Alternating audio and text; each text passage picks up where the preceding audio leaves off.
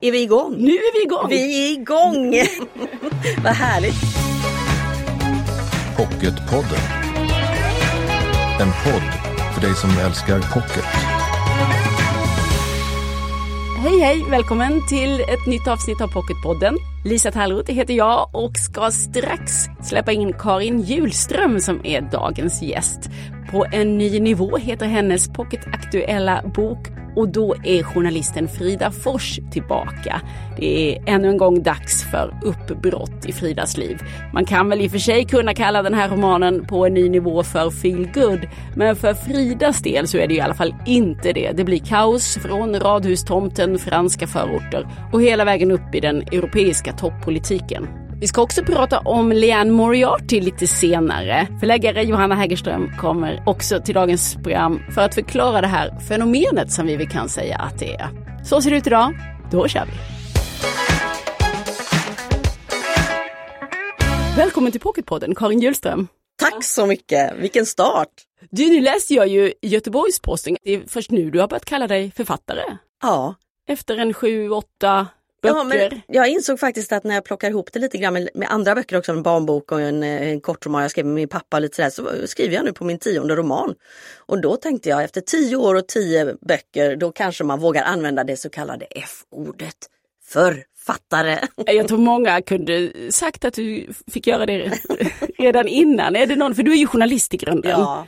Och vi känner igen dig från både radio och tv. Har det varit något liksom identitetskris här? Mellan att vara journalist och sen våga kalla sig Nej men i och med författare? att jag har hoppat så mycket eh, mellan olika sysslor, eh, visserligen som har varit besläktade med varandra, så jag har liksom aldrig riktigt vetat vad jag kommer att fortsätta vara.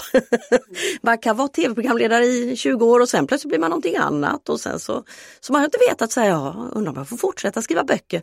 Men när folk läser så får jag fortsätta skriva och det är jag så glad för. Ja, och nu är det ju femte delen om Frida Fors Mm. som eh, ligger på eh, pocketdisken och det är en ny serie på gång också. Du är ju författare nu på jag är heltid. författare på heltid. Men journalistiken är ju det du har gemensamt med Frida. Och jag tänker mig att det är en del annat också som ni har gemensamt. Du eh, uttryckte dig som att Frida Fors har fått låna ditt sätt att tänka. Mm. Ja men precis så är det. Jag försätter ju henne i situationer som jag visserligen inte har varit i själv. Men när jag har gjort det så har jag ju förstås ändå låtit henne använda mitt sätt att tänka och agera mig ur det. Vad skulle jag ha gjort? Jag skulle nog ha gjort så här. Skulle man kunna beskriva det där sättet att tänka på något vis? Nej men det kan vara till exempel om hon råkar i en konflikt som hon gör då i det, på det här toppjobbet. Då börjar hon genast gå till sig själv. Är det jag som har gjort misstag här? Vad borde jag ha gjort? Borde jag ha pratat med någon annan? Alla de här tvivlen och funderingarna. Där har jag kunnat använda så skulle jag ha, ha tänkt eller reagerat i den situationen. Hon har ju en förmåga att hålla sig kall i eh, ganska heta lägen. Ja, hon har förmåga att hålla sig kall. Samtidigt är det som att hon liksom tar på sig all stress själv, kan man tycka. Eh, Det är inte så att hon ber jättemycket om hjälp och säger jag har för lite resurser, jag måste ha fler som gör det här, utan hon, hon är faktiskt på ett sätt en väldigt duktig flicka som ändå använder sig av lite Ibland går hon lite utanför ramarna för att ändå lösa sina ganska svåra problem. Det var en sån liten detalj som jag ändå måste kolla, för jag har aldrig hört för talas om att man när, man när Frida blir nervös eller känner att eh, stressad, lite orolig, då blir hon kall på baksidan av låren. Ja, men så har jag det också. Det är väldigt speciellt. Ja, det blir, eller inte kall, det pirrar. Ja. Det pirrar i skinkorna. Så är det för mig också. Det är 100% självupplevt. Mm.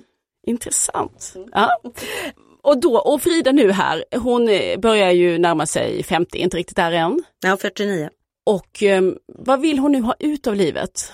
Ja, men jag tror att hon hamnar i precis det här stadiet som man ofta gör när man närmar sig 50. Man börjar fundera på vad har jag gjort? Eh, hur har det blivit hittills? Är det något jag känner att jag inte har gjort? Och när hon börjar fundera på, har jag bott i det här radhuset jättelänge, barnen har flyttat ut, ja hon är skild, hon har försökt dejta, det gick inget bra, det är samma jobb, det är samma vänner, det är samma gator, det är samma after works till och med. Och då tror jag man, jag tror väldigt många får den där tanken, jag kanske borde försöka ändra på någonting. Och så går ändå in till chefen och säger att hon vill ha ett års tjänstledigt för att plugga franska i Paris. Lite präktig är hon. Lite präktig är hon faktiskt. Men då är det ju också så att hon har ju liksom en bild av att hon ska leva ut sin stora kärlek till den man hon träffade i slutet på boken innan. Jazzmusikern Chance. Och eh, hon ser framför sig liksom mysiga jazzcaféer. Hon ska plugga franska, få nya vänner. Det ska överhuvudtaget vara en ganska härlig tillvaro tänker hon. Och så ska hon kunna frilansa därifrån. Och, men så blir det ju inte. Nej, nej för du, det är ju verkligen inte Champs-Élysées du sätter henne på när hon kommer till Paris. Utan hon hamnar i en förort, i en liten lägenhet. Där finns två små barn, där finns en mamma. Mm. Jeans mamma är också med och det finns en hel familj som har olika krav och behov från honom. Och han är visserligen vacker men han är ju tyvärr också rätt fattig. Mycket handlar om att få vardagen att gå ihop. Ja, och det är därför också som jag valde att kalla boken för På en ny nivå. För jag visste ju från början att jag ville att Frida skulle ha en topposition på ett EU-toppmöte i Göteborg. Det var liksom min utgångspunkt. Och då tänkte jag, hur, var kan den resan börja som lägst? Och då tänkte jag, jo, hos en, en fattig invandrare är han ju faktiskt också, för han kommer från Afrika, i en fransk förort där han är ensamstående pappa och måste försörja både barnen och mamman och eh, dessutom se till att allting funkar för brodern och hans familj och sådär. Och, och också den chocken det blir för Frida att upptäcka att där är det hon som är annorlunda. Hon sticker ut, hon vågar knappt gå, gå ta bussen eller pendeltåget. Hon är den enda som är vit och, och att ta sig in till centrala stan, bara det tar en timme. Hur har du gjort research för det här? Ja, men jag ägnade mig ganska mycket åt att läsa om kravallerna i de franska förorterna och eh, valde till slut Grigny för att jag förstod att det är ett av de områden som haft allra störst problem. Och eh, sen har jag suttit, jag har suttit och läst så många tidningsartiklar och tittat på bilder, jag har inte varit där. Kände du också att du drog dig för, precis som Frida, att besöka de här platserna? Ja, eh, sen finns ju Google Maps eh, som gör att man faktiskt kan nästan vara där. Miljöerna är korrekt beskrivna, men jag vet inte om jag hade vågat bo där. Nej, och då, nu, du är ju inne på det att fonden i den här romanen, även om det är Fridas, hennes existentiella funderingar och kärleken och allt det här kring hennes person, så är det ju de politiska motsättningarna i Europa. Mm. Och spänningarna också mellan Ryssland och USA. Det blir verkligen stor politik här så mm. småningom när hon kommer till Göteborg, tillbaka till hemstaden och får lite bananskal, har hon ju tur och får plötsligt ett jobb i organisationen kring EU-toppmötet 2017 där är mm. det väl i tiden ungefär för att engelsmännen har just röstat för Brexit och ja, det är olika världshändelser som också finns med här. Och nu bara tänker jag, nu tog kanske journalisten Karin Hjulström lite mer plats här i boken för nu vill du berätta någonting. Ja, och jag kan säga, jag fick idén till den här boken på bokmässan för, vad blir det nu då?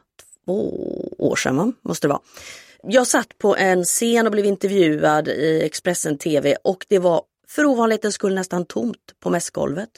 Och då såg jag utanför fönstret, vi var på andra våningen, hur Nordiska motståndsrörelsen demonstrerade och stod precis i konfrontation med kravallpolis. Och det var en sån otäck känsla och vi hade fått så många sms om att ni får inte lov att lämna byggnaden. Eh, vi vet inte hur osäkert det här läget är. Avvakta. Och eftersom jag och många göteborgare med mig har varit med om det här som skedde på EU-toppmötet 2001, när hela Göteborg blev sönderslaget. Så plötsligt kände jag men det, det är det här jag ska skriva. Jag ska skriva om när Frida hamnar i en sån här situation och allt håller på att gå åt skogen och allting är totalt kaos. Mm. Apropå feel good, det är ganska hög puls i, romanen, ganska hög stressnivå så här, för det är mycket man, som hon ska lösa. Ja. Liksom ormar som hoppar upp på henne ja, hela tiden. Precis. Måste... Det var roligt när jag, var, jag blev intervjuad i P4 i Göteborg och då var det två stycken reportrar som satt där som båda hade precis läst boken och de sa att när hon kommer och får det här erbjudandet om att bli presschef på EU-toppmötet så satt de båda två och sa nej, nej, nej, ta det inte. Och där får hon ju då jaga både militanta aktivister och eh, ryska datahackers. Mm. Och hon får till och med träffa Donald Trump. Ja. Du har skruvat lite på... Eh, Säger du det? allt händer verkligen på det här eh, EU-toppmötet, även om allt inte är vad det synes vara. Men det blir ju kaos i storpolitiken där för en stund. Och Frida står mitt i detta. Du Frida Fors, hon tycks ju vara en eh, romanfigur då som många kvinnor kanske i första hand kan identifiera sig med och hon har fått hänga med länge. I första boken så var hon ju 23 år bara, mm. nybliven journalist. Och sen så liksom fick vi, har vi fått följa med henne genom åren. Men det är ju ett hopp där över hela småbarnsåren, familjelivet, livet med Bosse och så. För att eh, först är hon liksom ung och fri och sen är hon nyskild. Vad hände där? Ja men det var så här, jag skrev ju två böcker om Frida som gick jättebra, många som ville läsa dem. Sen fick jag för mig att jag ville skriva någonting annat och visa att jag kunde, liksom, jag ville skriva en historisk roman och sådär. Och det gjorde jag.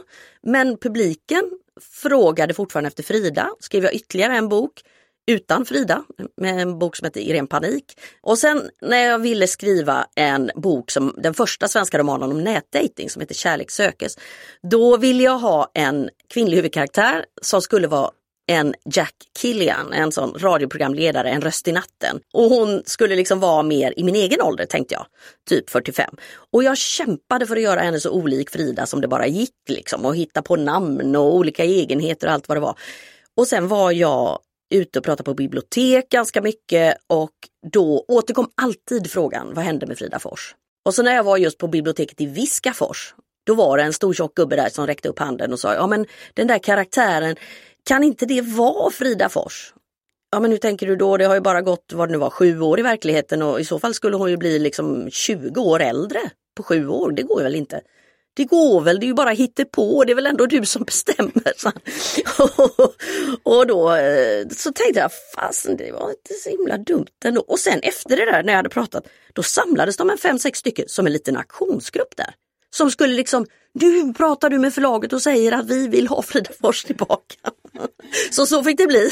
För många recensenter tar ju fasta på det här att du har skrivit om en det här är några så favorituttryck som jag hittar när din bok eh, omnämns, om man pratar om Frida Fors. Att hon är en modern kvinna i medelåldern. Hon är en fullvuxen kvinna i medelåldern. Den här är den typ av beskrivning, känner du igen det? Jag har inte tänkt på det, det kanske det står. Ja. För de, dels så slår det ju en att så där beskriver man ju aldrig en bok om en man. Nej. En fullvuxen man. Nej, en modern fullvuxen man.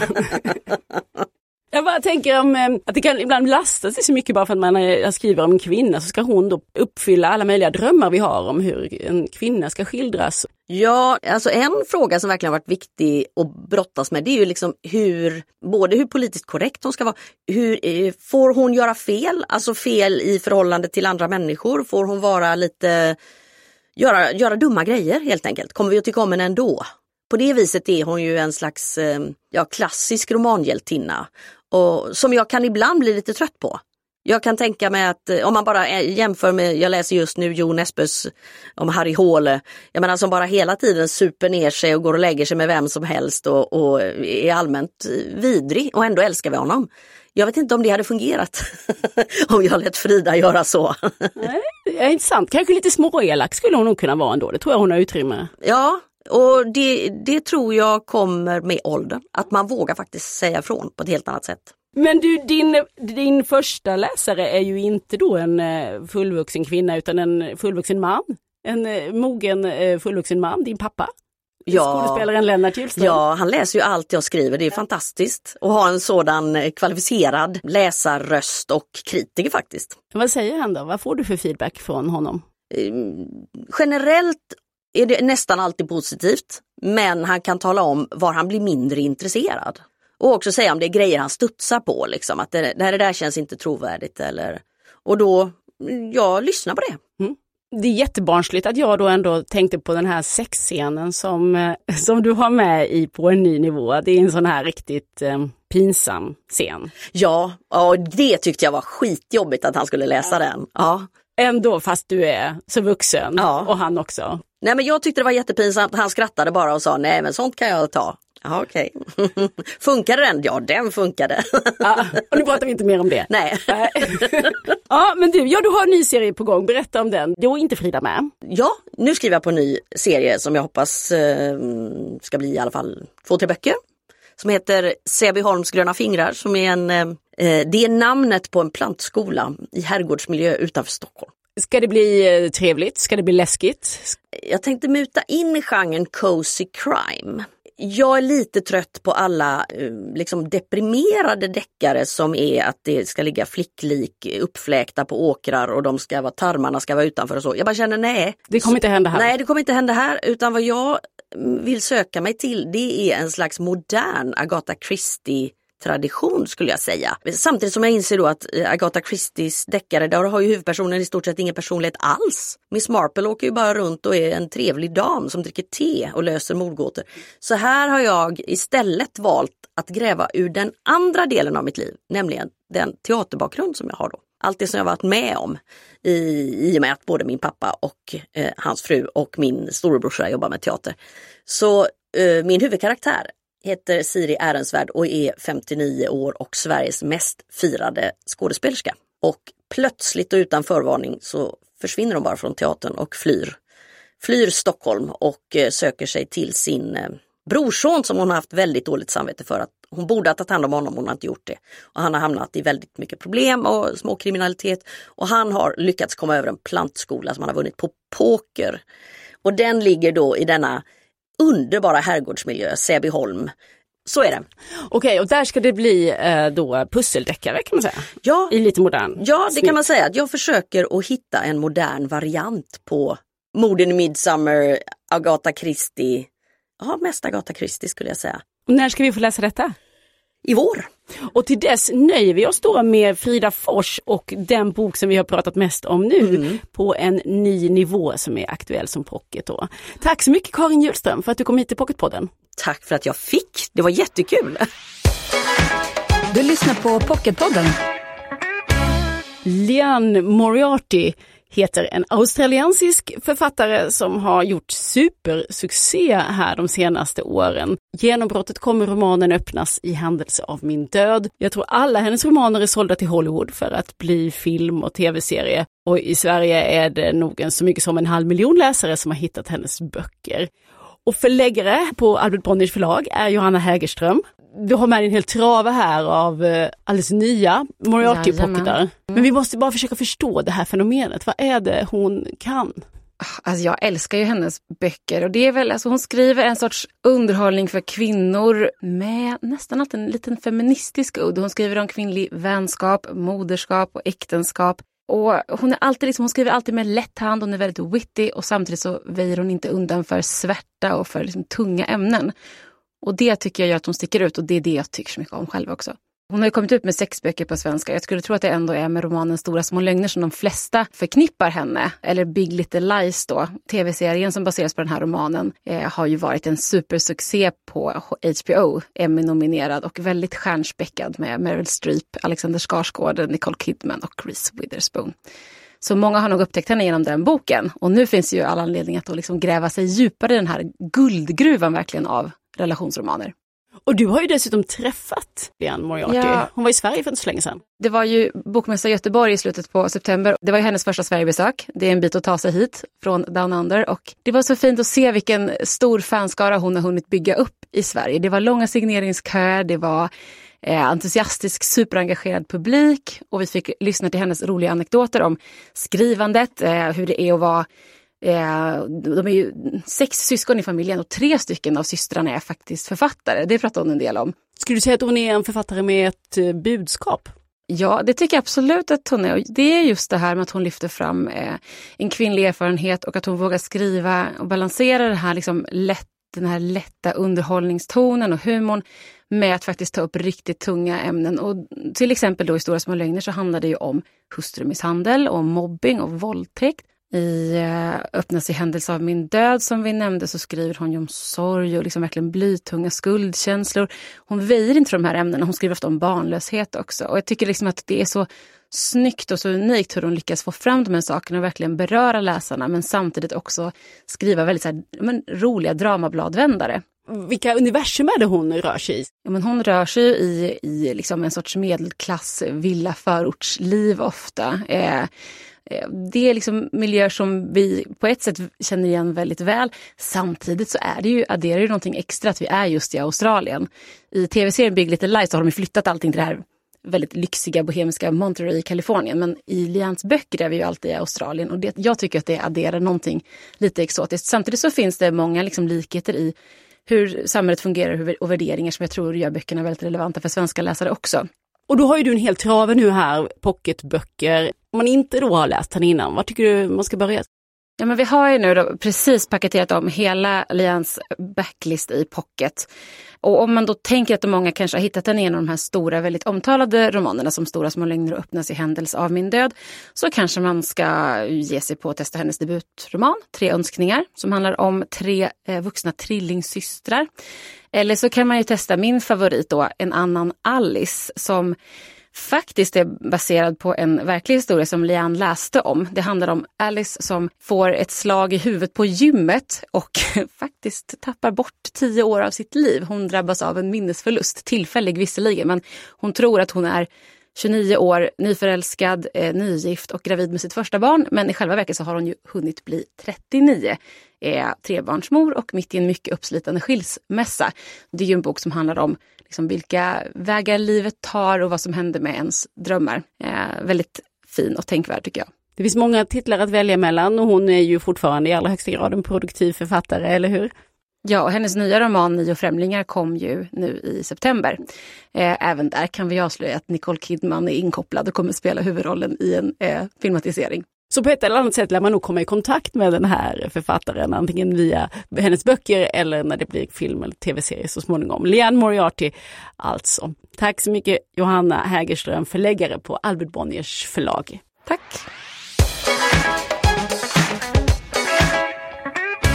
Nästa fredag kommer ett nytt avsnitt av Pocketpodden och då kommer Jonas Karlsson hit. Just det, skådespelaren Jonas Karlsson som ju också är en väl etablerad författare numera. Regnmannen heter hans senaste bok som vi ska prata om. Det blir det nästa vecka. Följ oss gärna i sociala medier, där heter vi Älska Pocket. Jag heter Lisa Tallroth. Lyssna och läs nu. Hej så länge! Du har lyssnat på Pocketpodden. En podd från Bonnierförlagen.